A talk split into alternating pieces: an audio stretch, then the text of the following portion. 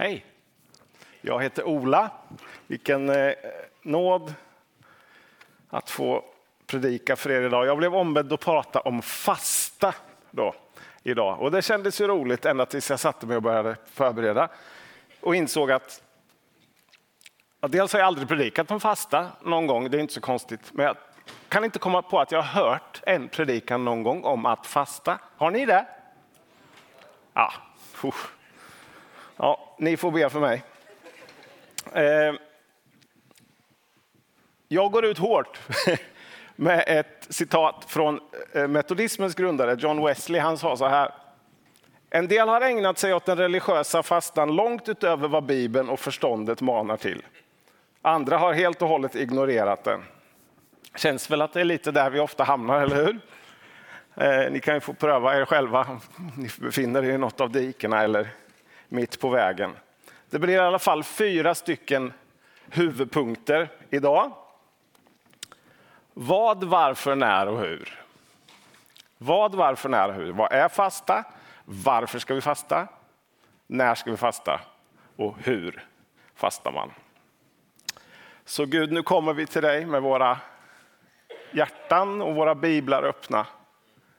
Och vi ber att du ska tala till oss, att du ska uppmuntra oss och utmana oss och mest av allt föra oss till Kristus.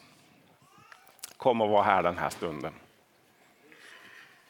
Amen. Vad är fasta? Så här står det i Svenska Akademins ordlista. Fasta är att avstå från mat och eventuellt dryck under en begränsad tid.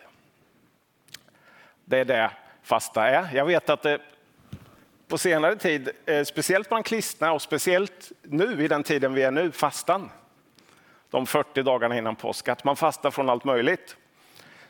Man kan ha tv-fasta eller man sockerfasta eller man äter inte kött eller dricker inte alkohol och kaffe och vad det kan vara. Jättebra grejer. Eh, den, Bibeln, eller den fasta som Bibeln talar om och som jag talar om idag är fasta från mat för att jag tror att den har något speciellt. Ehm, fasta är ju inget, alltså det är inget ovanligt, det finns ju utanför kyrkan också. Jättemånga som fastar idag för att man menar att kroppen mår bra av det, man kanske vill gå ner i vikt, rensa kroppen från diverse saker. Fasta finns också i princip i alla andra religioner också. Eh, islam så är det ju obligatoriskt. Det är en av de fem pelarna som islam vilar på. Så varje rättrogen muslim måste fasta under ramadan om man är vuxen och frisk och inte på resande fot, tror jag det heter.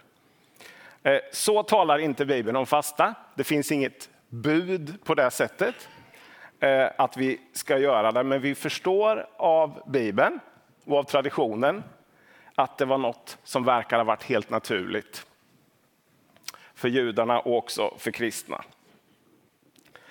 Eh, och Jesus, som vi snart kommer se, verkar förutsätta att det här är någonting som vi håller på med.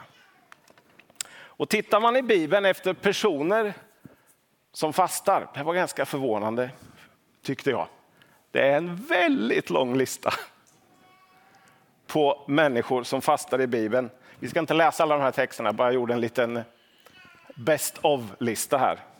Mose fastade 40 dagar när han mötte Gud på berget och tog emot lagen.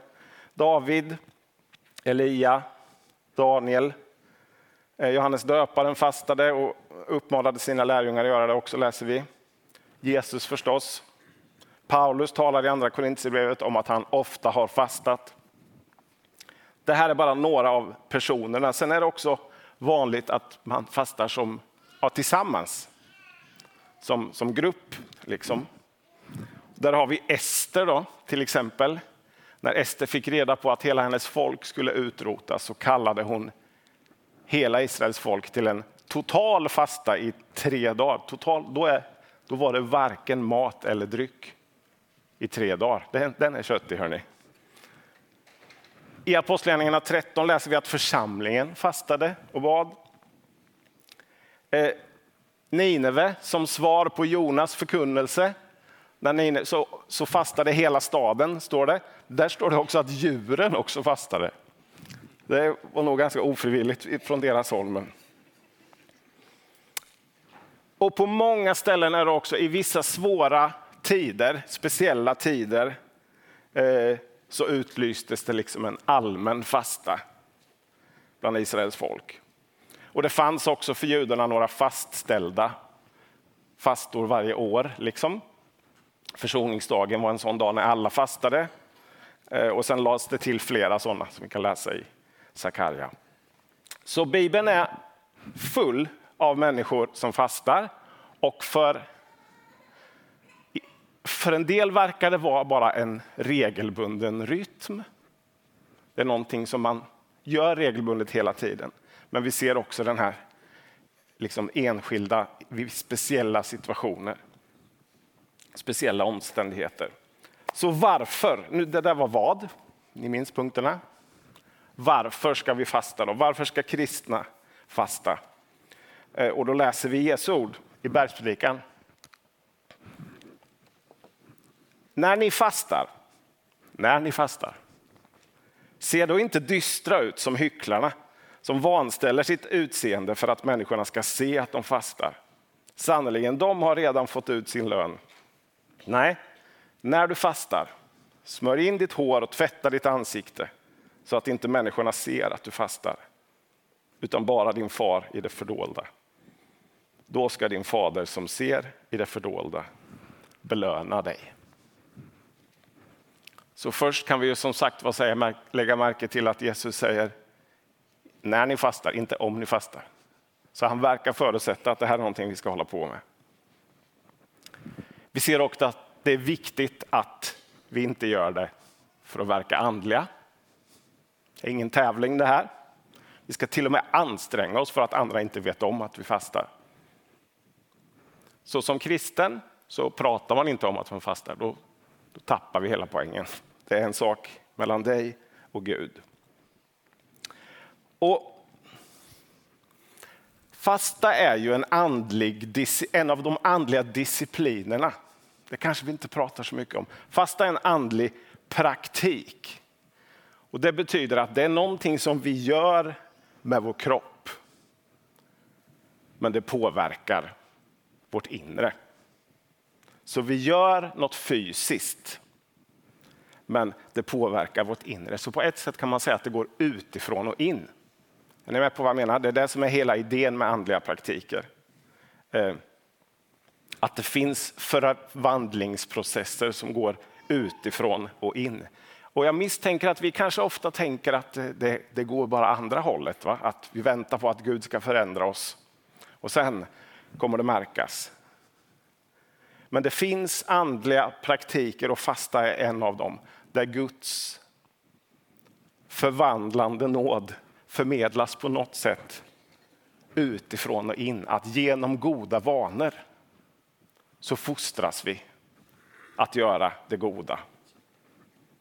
Bär vanan så bär vanan dig till slut, har man sagt i kyrkan. Bär vanan så bär vanan dig till slut. Ja, men är inte det lagiskt, säger vi kanske. Nej, vi gör det inte för att Gud ska bli nöjda med oss. Vi gör det för att vi inte är nöjda med oss själva. Vi vill att Gud ska förvandla oss. Vi fastar för att vi vill att Gud ska förvandla våra hjärtan. Och fasta handlar om hjärtat. Bara.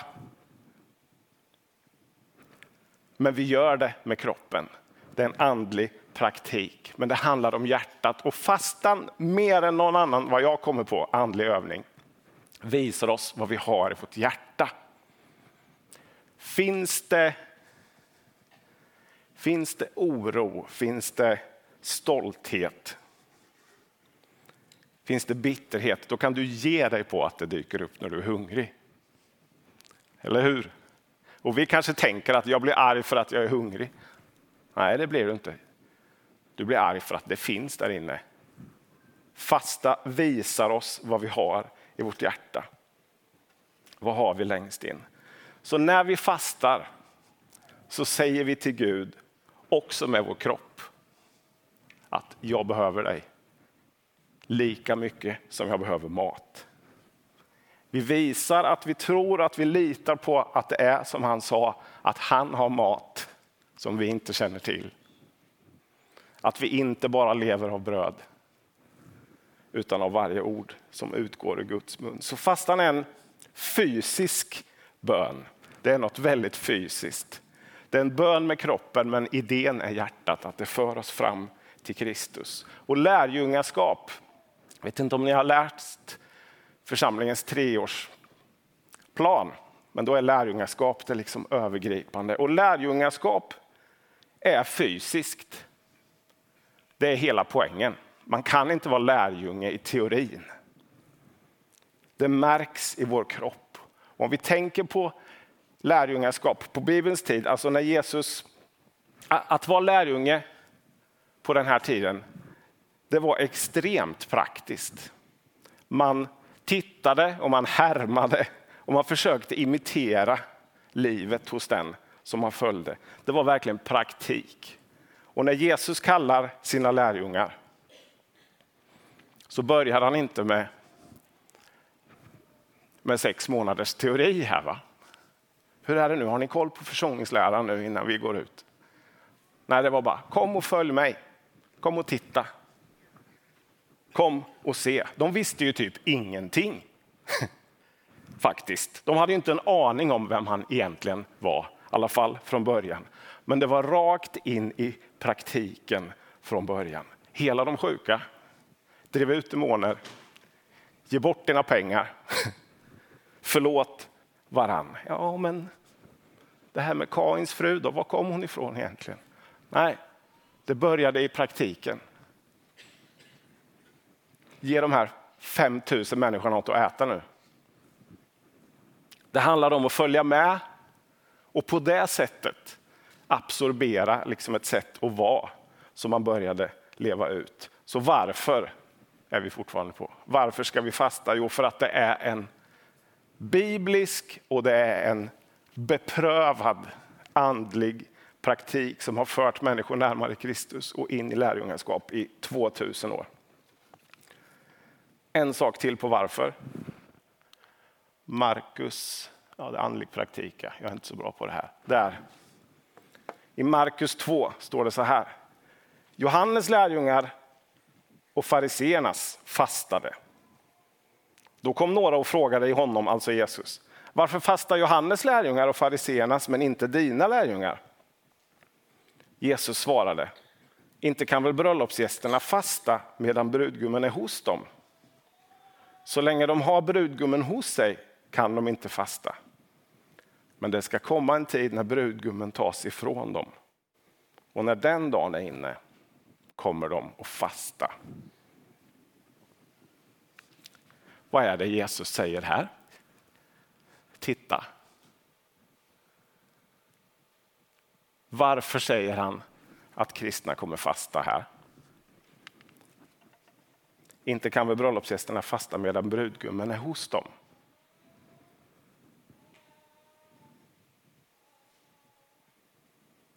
Det ska komma en tid när brudgummen inte längre är hos dem och när den dagen är inne kommer de att fasta. Jag tycker att det verkar som att vi fastar för att han inte är här. Är det bara jag som ser det? Eller hur? Lärjungarna behövde inte fasta när Jesus var där, men när han inte var där. Så vi fastar helt enkelt för att vi längtar efter honom. Det är ett jättevarför. Inte för att verka andliga, inte för att få Gud att göra som vi vill, utan bara för att vi längtar efter honom. Vi längtar efter att han ska komma tillbaka. Vi längtar bara efter hans sällskap. Och tänk, tänk på bilden han ger här. Tänk att det är din bröllopsdag, du ska gifta dig. Men din tilltänkta är inte där. Vilket antiklimax. Vad skulle du göra då? Om man kanske visste att hon eller han var på väg. Jag skulle ringa. Jag ville höra din röst, jag skulle facetima. Skulle läsa alla sms. Vi fastar för att vi längtar efter honom. När är vi på nu?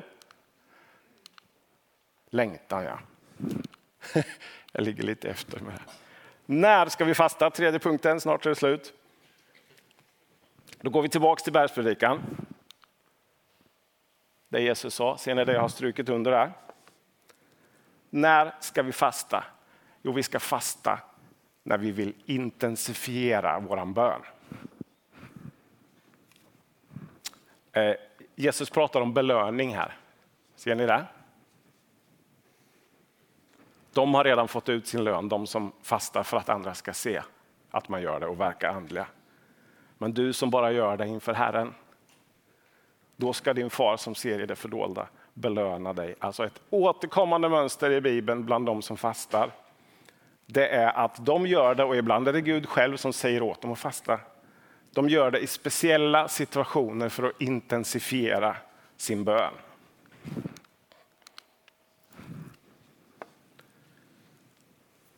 Fasta och bön förresten har jag inte sagt, det hänger ju alltid ihop. Det finns ingen fasta utan bön.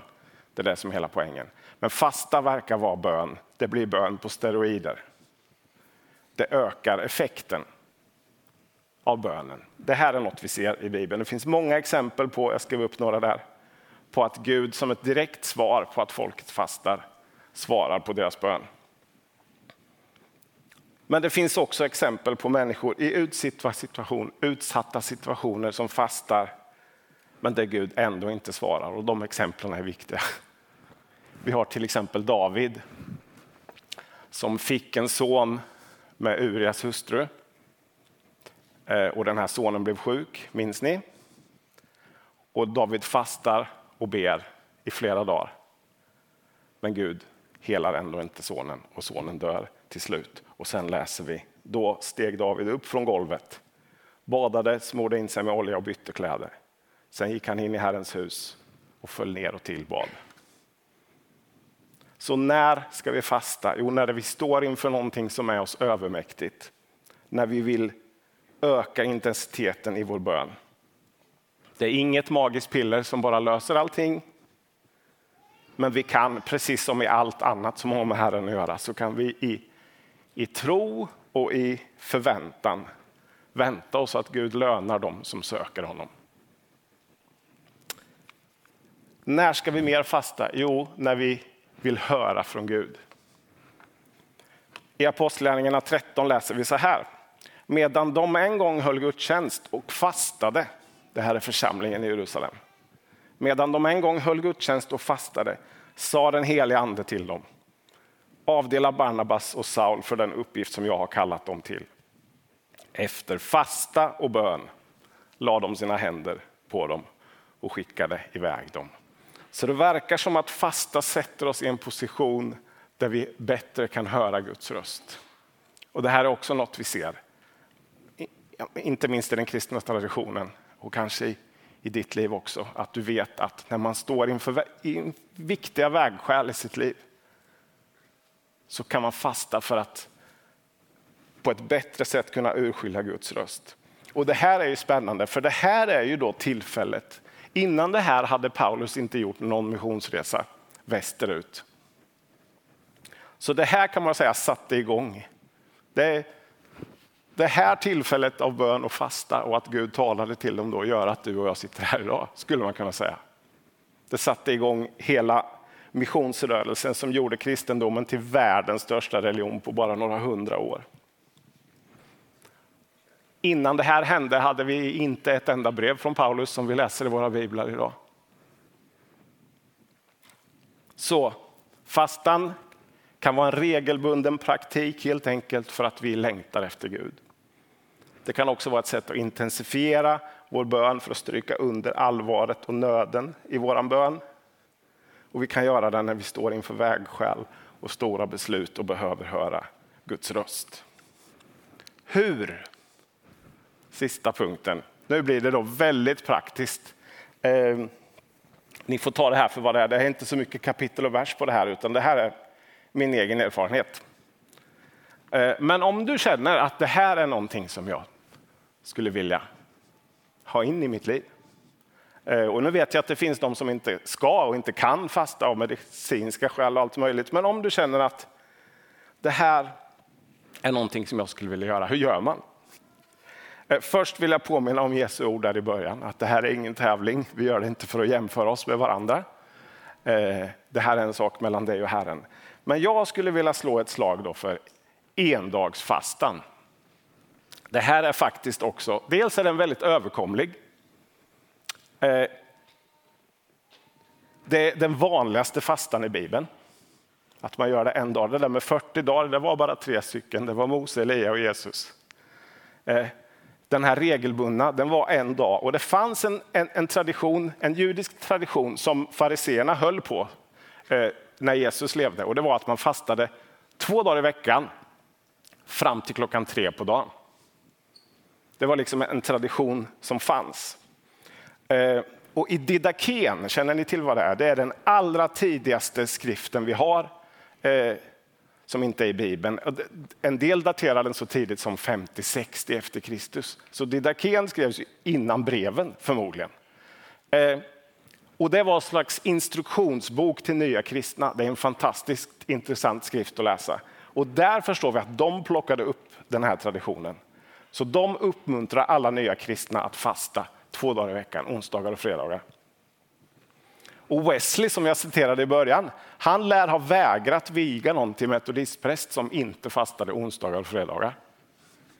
Så det här, är liksom, det här finns i den kristna traditionen med, med två dagar i veckan. Regelbundenhet, tänker jag, är en jättebra idé. Det där med onsdagar och fredagar tycker jag spelar mindre roll, men att göra det på något sätt regelbundet, inte fasta 14 dagar var tionde år när livet är kaos. Utan liksom att det finns en regelbundenhet, kanske en gång i månaden. Kanske varannan vecka, kanske en gång i veckan. Eh, och sen när man kanske då står i någon särskild utmaning i sitt liv kan man krana upp det lite. Jag tänker också att det är viktigt att innan man börjar fasta bestämma hur länge man ska göra det. Jag lovar dig om du inte gör det, då börjar du resonera med dig själv lunch första dagen. Att ah, nej, jag, jag kör till klockan tre. Nej, bestäm innan. Eh, det tycker jag är viktigt. Och att komma ihåg sitt varför. Alltså varför gör du det här? Eh, om du fastar för något särskilt. Och det gör... Ja, jag kan bara gå till mig själv. Det är nästan, jag vet inte hur ni har det, men jag tror att det, att det alltid är liksom en eller kanske två eller tre saker som är överst på vårt hjärta jämt. Man har inte 17 grejer. Man har tre saker som man verkligen har nöd för, eller två eller en. Eh, jag tycker att det är de du ska ta med dig in i din fasta. Kom ihåg varför är det jag fastar. Och jag tycker att det är en jättebra idé att formulera en kort, kort, kort bön som har med den här grejen som är överst i ditt hjärta att göra. Och att du tar med dig in den in i din fasta. Och det ska vara något kort för du ska kunna komma ihåg det hela tiden. Gud, kom och möt mitt barnbarn. Hela den här relationen, hela den här människan. Ge mig ett nytt jobb. Vad det nu är, vi går in i vår fasta. Och det som jag tycker är så mäktigt, det är att eftersom, eftersom fastan är så fysisk, alltså man man tänker på den hela dagen. Dels för att man måste dricka hela tiden om man inte ska få världens huvudvärk. Så liksom fastan är, all, den är där hela dagen och man känner hungern.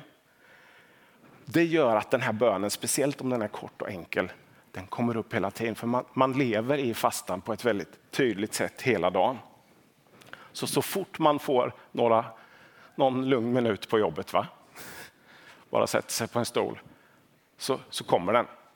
Så fort du sätter dig i bilen, så fort du går på toa, och det gör man mycket då man fastar, för man dricker förhoppningsvis. Eh, då är den där sucken liksom alltid där, alltid överst. Och funkar du som mig så är det också så att den här dagen spiller över på alla de andra dagarna också. Eh, för har man fått smaka på det där att ja, man lever i det och den där sucken är där alltid. Så de dagar man inte fastar så är det också ja, den, den, bönen är närmare. Den kommer upp oftare. Så är det för mig i alla fall. Okej, väldigt praktiskt, men ta det för vad det är. Endagsfasta, regelbundenhet. Bestäm dig innanför hur länge och så komma ihåg sitt varför. Så vad har vi sagt idag? Vi har sagt att fastan är inget påbud. Vi måste inte, men det är ett erbjudande. Fasta är en bön med våran kropp. Men poängen är det som sker i hjärtat och att det för oss närmare Kristus. Och vi får fasta bara för att vi längtar efter honom, men också i speciella situationer för att intensifiera vår bön och bättre kunna höra Guds röst. Herre,